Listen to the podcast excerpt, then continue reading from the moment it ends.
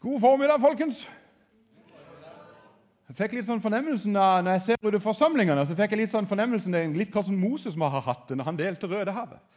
Det var med som litt sånn mye på den ene og den andre sida, men litt sånn glissent i midten. Men du verden så fine de som er i midten er! Så hvis du, nei da, de er ikke fine på de andre sidene òg.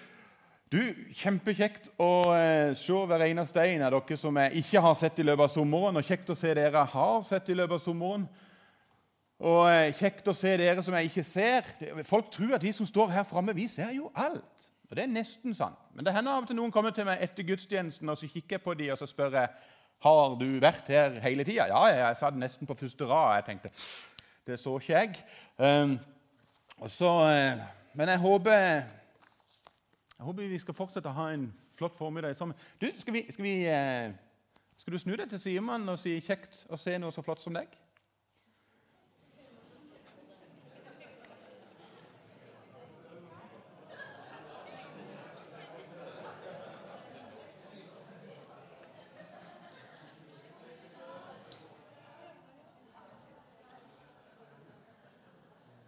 Jeg vet ikke hvordan det er med det, men jeg, eh, eh, jeg gleder meg veldig til denne høsten. Det er, det er et sånn lite, sånn et uh, bitte lite jubileum som skjer akkurat nå i disse dager her. Eh, hvis jeg skulle vært helt på datoen, så er det vel egentlig neste søndag. Men, eh, men vi, vi, tar det i dag. og Det er, det er, det er fem år siden at eh, Sissel og jeg kom her til byen og ble innsatt som pastor i menigheten. Og, og eh, ja.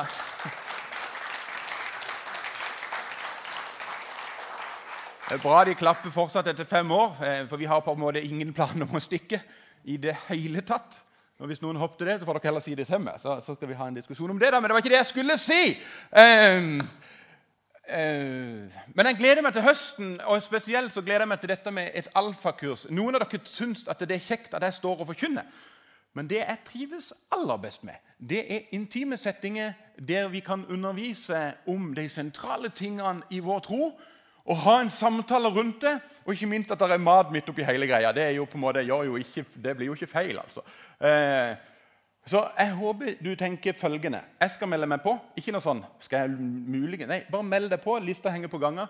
Meld deg på med en gang, og når du har meldt deg på, så spør du deg sjøl Gud, hvem vil du at jeg skal invitere med meg? Skal vi ha det som en sånn liten tanke? Så Det gleder jeg meg veldig til. Så gleder jeg meg veldig over at eh, vi har sju konfirmanter dette året. her, og De skal bli presentert her 15.9. Det er en stund siden vi hadde såpass mange konfirmanter, men det gleder vi oss av. Og det er bare gutter. Skikkelig gutteklubben grei, altså. Og så, Hvis du har fått månedshefte, så er det én ting som mangler i det månedsheftet. Hvis det mangler noe i et månedshefte, så er det ingen andre i staben sin feil enn min. Det er som regel alltid meg som glemmer noe. Men vi skal ha et ekteskapskurs som er i november. Det kommer mer info om det. Der skal garantert egg, for det trenger jeg. Altså, Jeg har vært gift i mange år, og, og jeg setter bilen til EU-kontroll. Og så tenker vi at ekteskapet kan gå på lut og kaldt vann. Nei, Av og til så synes jeg det kan være greit å ta en liten sånn en sjekk over er dette her helt greit. Og så finner vi stort sett alltid feil og mangler. Og så kan vi få lov til å jobbe med det på en god måte. På en veldig bra setting, og det blir et kjempekurs. Og så skal vi glede oss over at vi får en del gjester, men mest av alt så skal vi glede dere over at Jesus er her. Jesus er her med sin ånd. Og han ønsker å møte deg og meg akkurat der vi er i vår livssituasjon. Og så har jeg det sånn som pastor at jeg får lov til å jobbe å si, tett sammen med Jesus. Det kan alle gjøre. Men, men, men, eh, men som, som, pastor så må jeg jo av og til spørre du, hva, hva, ønsker du at jeg skal tale om. Jeg hadde en kjempeplan for de neste to søndagene. hva jeg skulle tale om. Og så har jeg ikke fått lov. Og så har jeg fått beskjed om å tale om noe helt annet. Som jeg kjenner at jeg skremmer meg bitte grann. For det, det, jeg hadde planlagt, det syntes jeg var så veldig bra. Og så har jeg fått det veldig tydelig for meg at det er ikke det jeg skal tale om. Og så er jeg litt sånn spent på hvordan i all verden dette går. For, for det vi skal prate om, er noen sånne tekster som, som eh, Normalt sett vi pleier å tale rundt juletida. Så jeg følte meg som ikke det passet til seg å ta det nå. Så, det at, eh, så, Derfor tenker jeg det kan være greit at vi begynner å be litt. ikke det er greit? Så vi som tar det derifra. Og når vi begynner å be nå, så eh, jeg lurer faktisk på om vi skal gjøre det sånn i dag, at vi skal reise oss opp når vi ber. Eh, eh, for det er noen ting jeg har lyst til at vi skal ta med oss som menighet. Eh, rett før gudstjenesten begynte nå, så var det en som kom bort til meg. En del av dere kjenner en som heter Asbjørn Sørensen. Hans kone er på en alvorlig operasjonssetting inne i Oslo. Vi skal huske på Asbjørn for de av dere som husker han. Jeg kjenner han. Og så vet vi om at det er mennesker i denne menigheten som sliter med forskjellige ting og sykdom. Vi skal løfte alt sammen opp til Gud, ikke bare resten av denne gudstjenesten. Ok? Nå ber jeg, og så kan du få lov til å be der du står. Jesus, jeg takker deg for det at eh, du er her ved din ånd. Takker deg for det at vi igjen kan få lov til å legge hele høsten i dine hender. Jeg takker deg for det at du har lovt i ditt ord at vi skal få lov til å kunne vandre i ferdiglagte gjerninger. Jesus, du ser kona til Asbjørn der hun er akkurat nå. Jeg ber deg om at vi som menighet skal få lov til å løfte henne opp i bønnen. Jeg ber deg om at du skal bevare henne, beskytte henne, omslutte familien.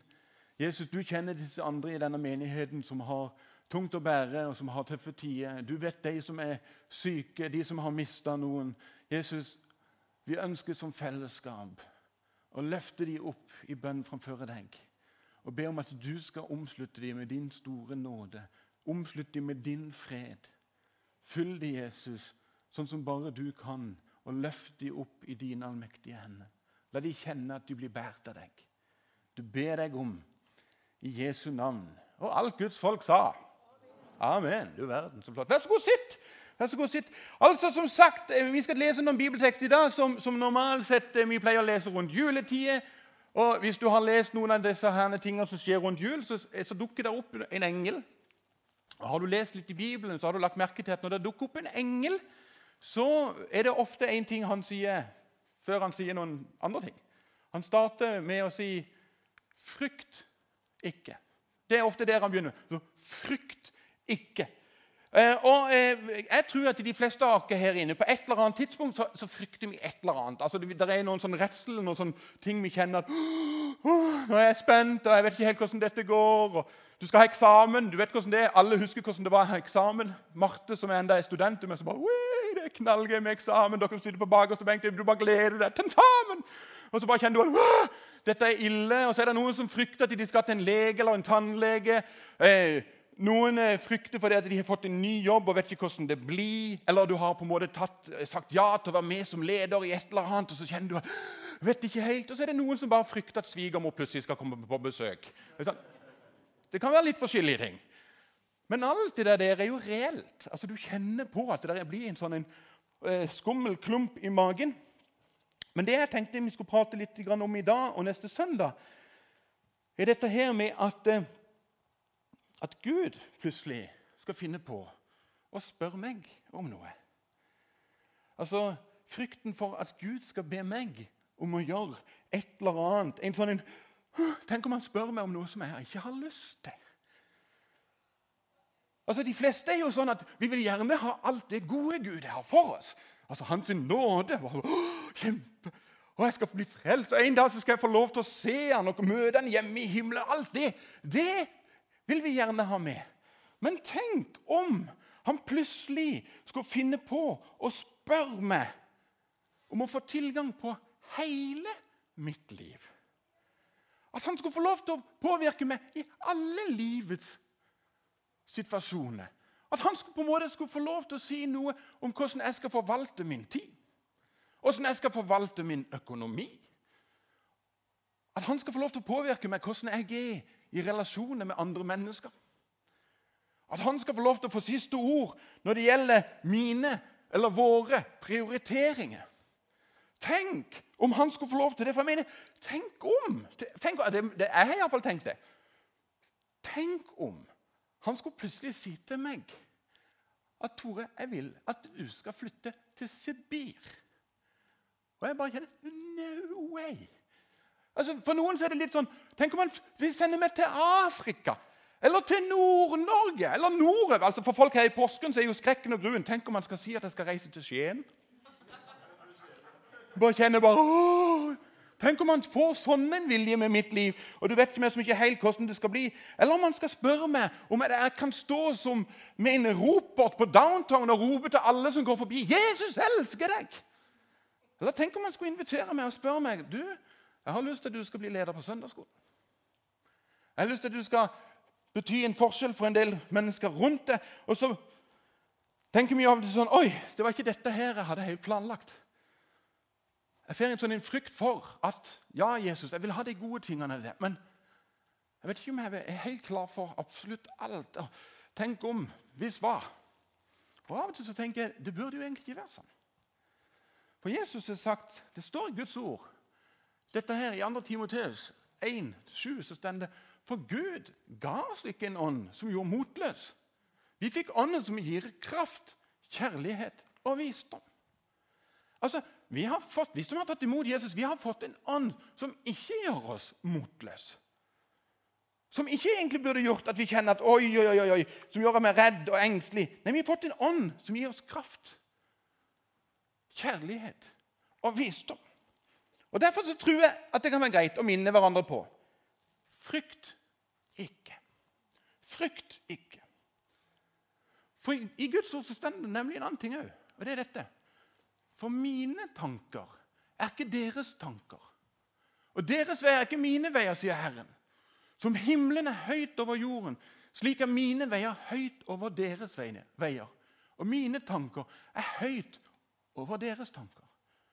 Guds sine tanker for våre liv er mye høyere enn det vi noen gang har tenkt. Hvis du tenkte oh, dette her hadde vært stort Jeg skal love deg én ting. Gud tenker større. Hans veier er større. Hans tanke er større. Så Derfor så er det sånn at jeg, jeg tror av og til at vi kjenner på en sånn frykt. Og jeg, og jeg har lyst til å løfte opp to ting som jeg tror kan være grunner til at vi kjenner på en sånn frykt. Og Begge disse to grunnene skal vi finne i en setting der en engel som heter Gabriel, møter Maria, Jesus sin mor. Og Den første grunnen som jeg av og til tror gjør at vi frykter dette her med at Gud skal på en måte komme inn i vår vei og få sin store vilje med vårt liv, og det er dette her forstyrrelse fra Gud passer dårlig med våre egne planer. Forstyrrelse fra Gud passer ofte dårlig med våre egne planer. Vi har lagd noen planer. Hvis du er med deg Bibelen, så må du slå opp i eh, Lukas kapittel 1. Matteus, Markus og Lukas i Nytestamentet. Og vi skal i Lukas kapittel 1, og vi skal lese der fra vers, ifra vers eh, 26. Eh, skulle jo jeg vært så sporty at jeg hadde funnet dette fram på forhånd, men det kommer. det kommer. Lukas kapittel 1, vers 26. Eh, men da Elisabeth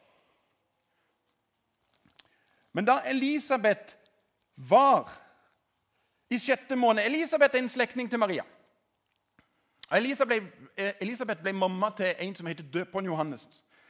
Men da Elisabeth var sjette måned, ble engelen Gabriel sendt til Gud til en by i Galilea som heter Nasaret, til en jomfru som var lovet bort til Josef. En mann av Davids ett. Jomfruens navn var Maria. Engelen kom inn til henne og sa, 'Vær hilset, du som har fått nåde. Herren er med deg.' Hun ble forskrekket over engelens ord og undret seg over hva denne hilsenen skulle bety. Jeg mener, Snakk om at du blir forskrekka. Altså, eh, forferdet, står det i en annen. Altså, sånn skrekk og gru. Hva i all verdens land og rike er det nå som skjer? For Jeg tror nemlig det at Maria, det er en ting du må vise om Maria. Maria, Når dette skjer, så er sannsynligvis Maria sånn ca. 14-15, kanskje 16 år. Og hun er lova bort til en som heter Josef, altså trolova. Og som vi kan tenke, Det var jo veldig ung alder, men det var helt vanlig i den tida. Når jenter var i en sånn 13-14-15-16 års alder, så ble de lova bort til en mann vi kaller det ofte forlovelse. Her kalles det trolovelse og var mye mer knytta sammen. Og jeg har akkurat vært med på det store og gifta vekk den ene dattera vår. Og jeg vet hva som skjer før et bryllup. Og Har du vært med i en sånn en bryllupsforberedelse, så lever folk i en sånn en rosa sky. Det er jo helt fantastisk. Skal jeg gå med de øredobbene, eller skal jeg ha de øredobbene? Skal jeg ha sånne sko, eller skal jeg ha sånne sko? Skal det være tynne, hele, lange, hele, flotte, hele? Kjolen skal den være sånn, sånn, eller hvordan skal det gå? Og så ringer du jo til en del folk, og så spør du du, åssen gjorde dere det. Hadde dere bordkropp på høyre eller venstre side? Var det opp ned med skriften? Hadde vi skriften sånn eller sånn? Og så spør vi hverandre om råd. Og jeg er litt sånn fantasifull, for jeg ser for meg at Maria Når du er en tenåring i tillegg, så er det med sånn wow! Hun begynte å skrive navnet sitt og lure på hvordan skal jeg skrive når jeg skal få etternavn til Josef. Josef et eller annet. Og Midt inni denne her situasjonen her, så kommer det en engel og forstyrrer på en måte absolutt alt det som hun har. Midt i denne herlige rosa drømmen. Og vet du noe? Da passer det veldig dårlig å bli forstyrra. Da passer det veldig dårlig å bli forstyrra. Men det er én ting du skal ta med deg. i da. Og det er dette. Det vi ofte kan oppleve som forstyrrelse, er ofte en invitasjon ifra Gud. Det vi av og til kan oppleve som en forstyrrelse, kan fort være en invitasjon ifra Gud. Ta Moses, f.eks. Moses er i Gamle testamentet. Moses kommer til å bli forstyrra i sin gjeteropplegg. Han holder på å gjete en masse dyr, og så plutselig står det en brennende tårnebusk. Og Han blir forstyrra med den oppgaven han holder på med. Men det som egentlig skjer, er at Gud holder på å invitere han inn til å bli en leder for en hel nasjon. Gideon, som du kan lese om i Gamle testamentet, er opptatt med å presse vindruer. Og så kan han ikke si at han liker å bli forstyrra mens han holder på med det. Men han blir forstyrra av Gud. Og det er det egentlig. En invitasjon til å være med på noe annet som er større. Hvis du leser om en som heter Paulus, eller Saulus, som han heter før, i Nytestamentet Han var travelt opptatt med å forfølge kristne. Og så blir han forstyrra i sitt oppdrag. Og så viser det seg at forstyrrelsen er en vanvittig stor invitasjon om å komme og være med og ikke forfølge kristne, men om å spre evangeliet videre utover det kjente land som de har kjent i de tida der.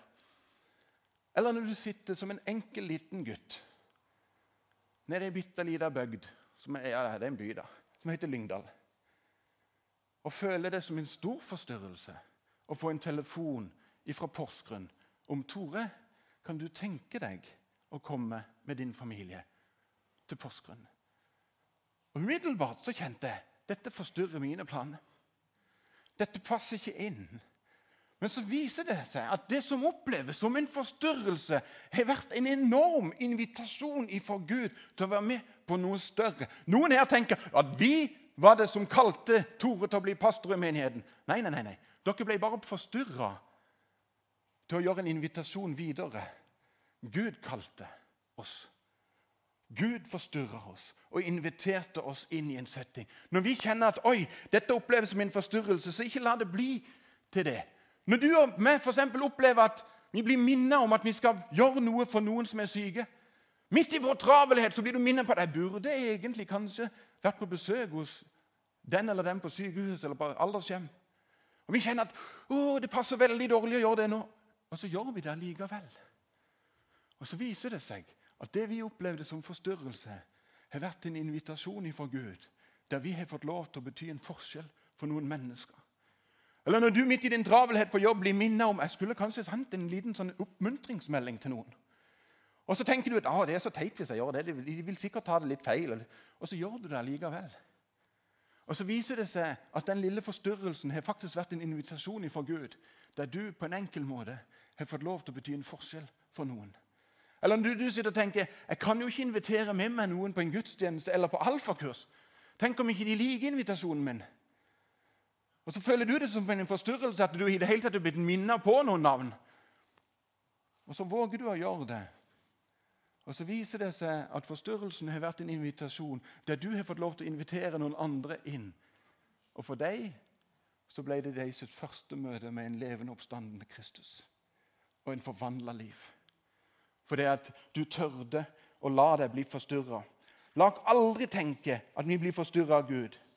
Men la oss se, på, se på det som en invitasjon. Og Jeg tror virkelig at Gud sier det samme til oss som han sa til Maria. Frykt ikke, Maria.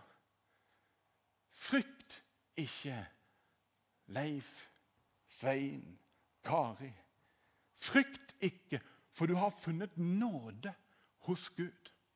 For alle oss som har tatt imot Jesus, så har vi funnet nåde hos Gud. Altså, Kan du tenke deg noe større privilegium enn å ha funnet nåde hos Gud? Egentlig Der og da så burde alt frykt vært tatt vekk, for vi har funnet nåde hos Gud. Du har fått lov til å komme inn og stå framfor tre ganger hellig Gud. Og så sier han, 'Jeg ønsker deg bare nåde over ditt liv.' Nåde over nåde. Og du har ingenting å frykte, for det er en nådig Gud som er full av nåde og sannhet. Halleluja. Så Det er den første grunnen. Forstyrrelse fra Gud passer dårlig med våre egne planer. Det andre tror jeg er at Guds hensikt med våre liv ofte er forskjellig fra våre egne planer. Guds hensikt med våre liv er ofte veldig annerledes enn det vi har sjøl tenkt. Vi har kanskje lagt et eller annet, men Gud har noen helt andre planer. La oss lese videre fra eh, vers 31 i Lukas kapittel 1. Hør! Og Dette er engelen som sier. Engelen Gabriel. Hør!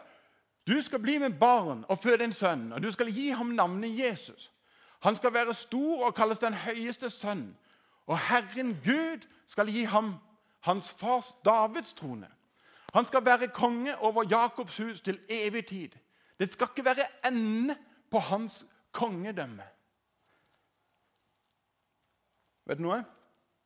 Jeg er litt sånn Jeg, jeg, jeg har livlig fantasi. dere vet det. Så fører det at du sitter i en rosa drømmesituasjon og det er bare sånn at nå skal jeg snart få mannen i mitt liv som jeg lover vekk til, og som jeg gleder meg til. For han er på en måte av Davids ett. Er jo altså Er du for Davids ett, så er du for en bra slekt. altså. Det er litt som å bli gifta inn i Merslandsklanen. altså Det er jo helt fantastisk. Alle ønsker jo det. vet du. Du bare sitter der og så blir du forstyrra, så er det 'hallo'. Det som skjer, er at det er noen som sier til deg at, eh, at du er, er gravid. Altså Planene blir totalt annerledes. Og jeg, jeg er litt sånn jeg, altså, jeg skulle gjerne vært flua på veggen når Maria skulle si dette til Josef. Du eh, Josef, altså Lurer på om du skal sette deg bitte grann. Det har seg sånn at eh, jeg er gravid. Ikke, det har ikke vært noen sånn blomster og bien, eller noen sånne ting, men, men, men jeg er gravid. Og det er Gud som har gjort det, og jeg skal føde Guds sønn. Jeg tror ikke jeg hadde kjøpt den sånn uten videre. det må Jeg si. Altså, jeg tror de skulle ha kommet opp med noen bedre forslag. Når Sissel kom til meg og sa hun var gravid, så var det litt sånn OK, hvordan skjedde det? Ja, det tror jeg kanskje jeg visste, men eh, pff, eh, Det verste av alt at Josef hadde jo hatt all sin rett til å slepe denne dama med seg og be om at hun ble dømt til døden for utroskap. For det å være trolova i den tida var like bindende som å være gift. Så den der Snakk om å bli forstyrra i sin vanlige, daglige setting. Eh, der du har noen helt andre planer. Og så kommer Gud med sine hensikter. Og da tenker jeg av og til Takk og lov at engelen starta med å si Frykt ikke. Frykt ikke. Vær ikke redd. For la Gud få sin vilje med ditt liv. For hva var det vi nettopp hørte i stad? Som himmelen er høyt over jorden, slik er mine veier høyt over deres veier, og mine tanker høyt over deres tanker.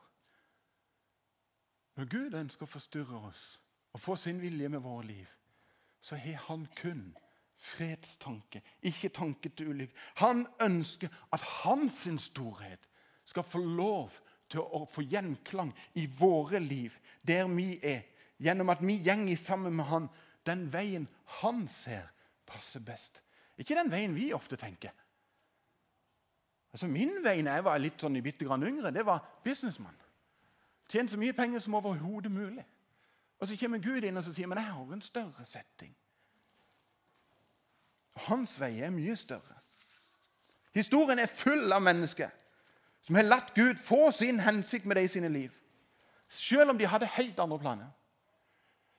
Noen av dere her inne husker ei dame som heter Annie Skau Berntsen. Hun har til og med stått her på denne talerstolen. Hun var like høy som meg. Hun var 1,90 høy og svær. Og Noen sa om Annie hun hadde et hjerte som var større enn hun sjøl. Og Annie Skau Berntsen hadde ett plan i sin ungdom, og det var å bli sykepleier og jobbe inn i Oslo. Det var helt til plutselig Gud forstyrra hos sin plan og sa jeg har en større hensikt med ditt liv enn det du sjøl har planlagt. Og så sier Maria, nei, så sier Maria, så sier Anne Skau ja til det hun blir invitert inn til. Og det er å bli misjonær i Kina. Og hun reiser ut til Kina på 30-tallet. Hun bruker x antall måneder bare for å komme ned det. Og den dag i dag, og jeg har møtt noen av disse kineserne som står i dag og sier på grunn av Anni Skau så står jeg her som frelst og kjenner Jesus. Og Hun vier hele sitt liv. Hun har fått satt noen fotspor i Kina som er så markant store at en tenker bare Wow, er det mulig? Og så er det de fleste av oss her inne vi tenker litt sånn at ja, ja, sånn er ikke jeg iallfall. Jeg er ikke noe Anni Skau. Og jeg kan iallfall ikke reise til Kina. Og jeg kan iallfall ikke reise til Afrika. Og jeg kan iallfall ikke reise til Skien.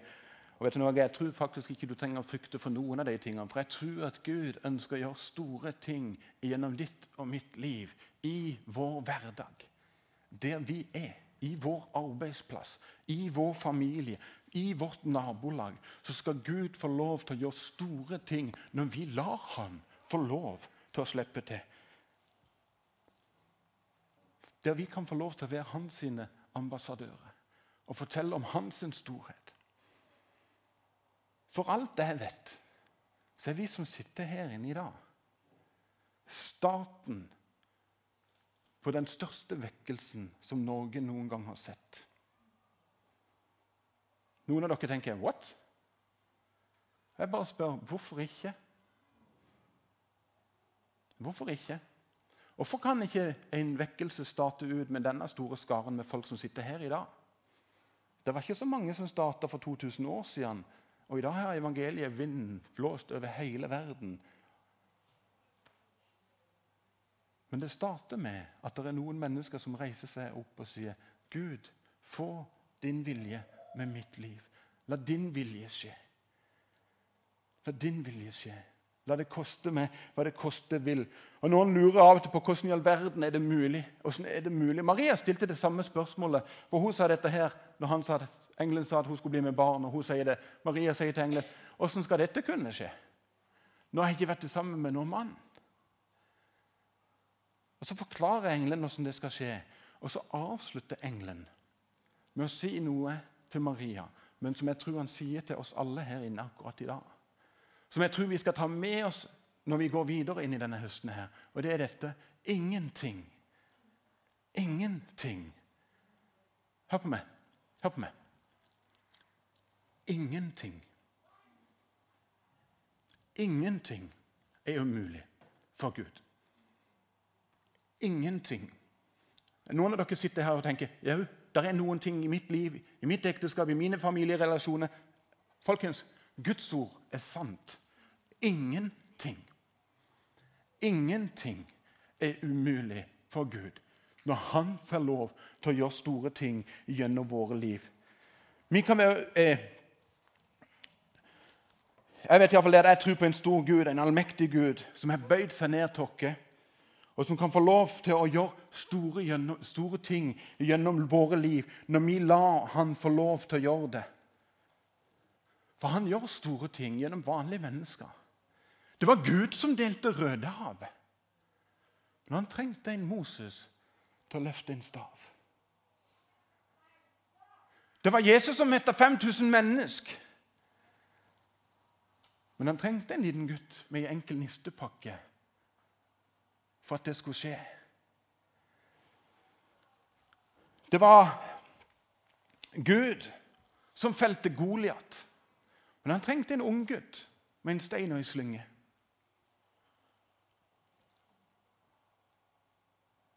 Hva hindrer Gud for å skape en vekkelse?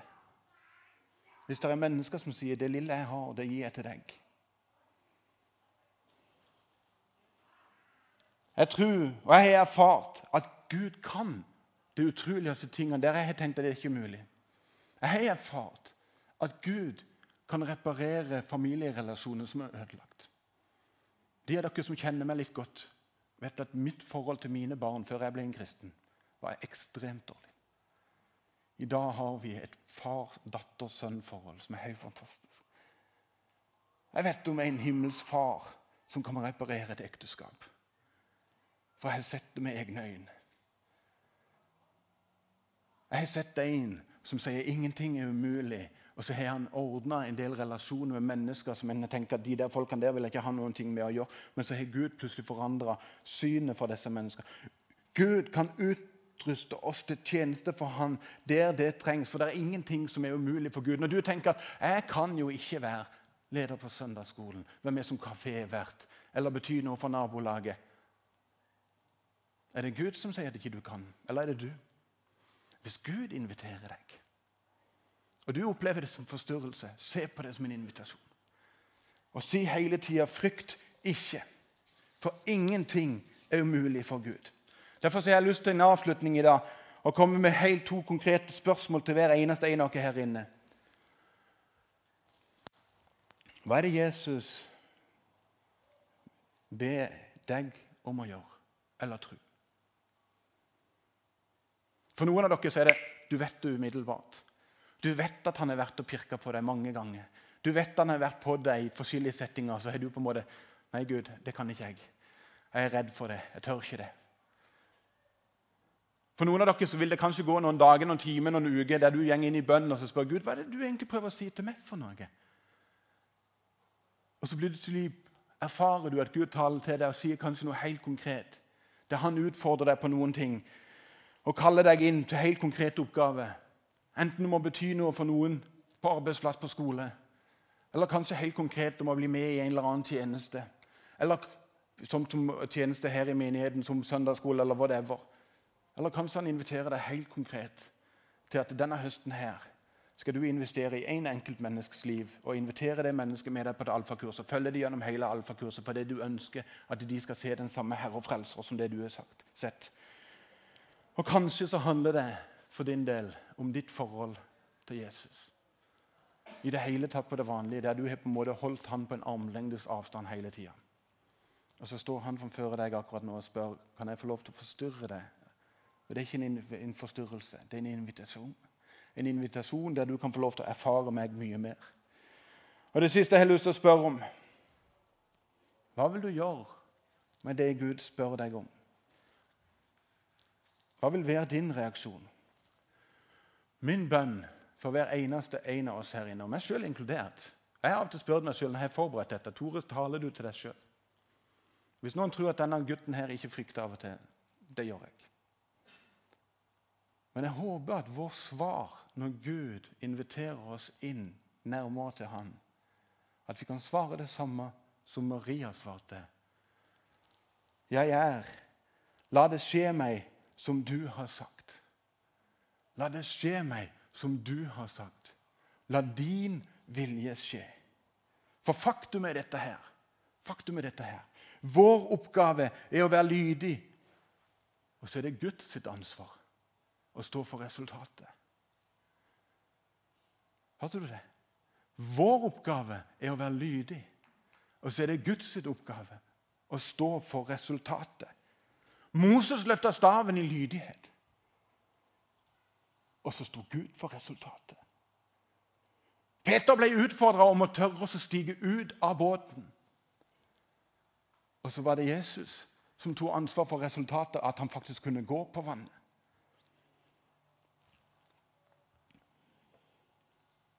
Vår oppgave er å følge Han som har kalt oss til etterfølgelse. Og så er det opp til Han å gjøre resten. Eller som det står i Bibelen vi kan vanne, og vi kan så. Men det er bare Gud som kan gi vekst. Så når vi går inn i denne høsten, her, frykt ikke, og glem aldri Herren er med deg, for du har funnet nåde hos Gud. Du har funnet nåde hos Gud. Neste søndag skal vi fortsette med frykt ikke. Og Da skal vi ta for oss en frykt som alle her inne har kjent på. Frykten om hva sier andre om meg? Jesus, jeg takker deg for det at du er her. Jeg takker deg for det du ønsker å berøre våre liv. Jeg ber deg, Jesus, om at du hjelper oss til å slippe litt taket. Og la oss bli utfordra av deg. Tørre å gå litt ut av båten og komfortsona vår. For å erfare din storhet i og gjennom våre liv. Be deg, Jesus, om at eh, du reiser oss opp som menighet. Til å bli et menighet som blir som ei fyrlykt, som lyser for langt mer enn bare vestsida. Men la det lyse over hele Grenland. La din nådestrøm stå gjennom her, sånn at det gir gjenklang i en nasjon. Jesus, la vår, denne menigheten som er din, være en menighet der mennesker tør å la deg få slippe, til. Og Der vi ser at du sender ut arbeidere her i dette lokalmiljøet. Men la det òg være mennesker som du sender til de ytterste punktene i denne verden. For det er din storhet skal få lov til å vises for andre. Jeg takker deg for at eh, du ønsker å gi vekst. Hjelp oss til å vanne og så. I Jesu navn. Amen.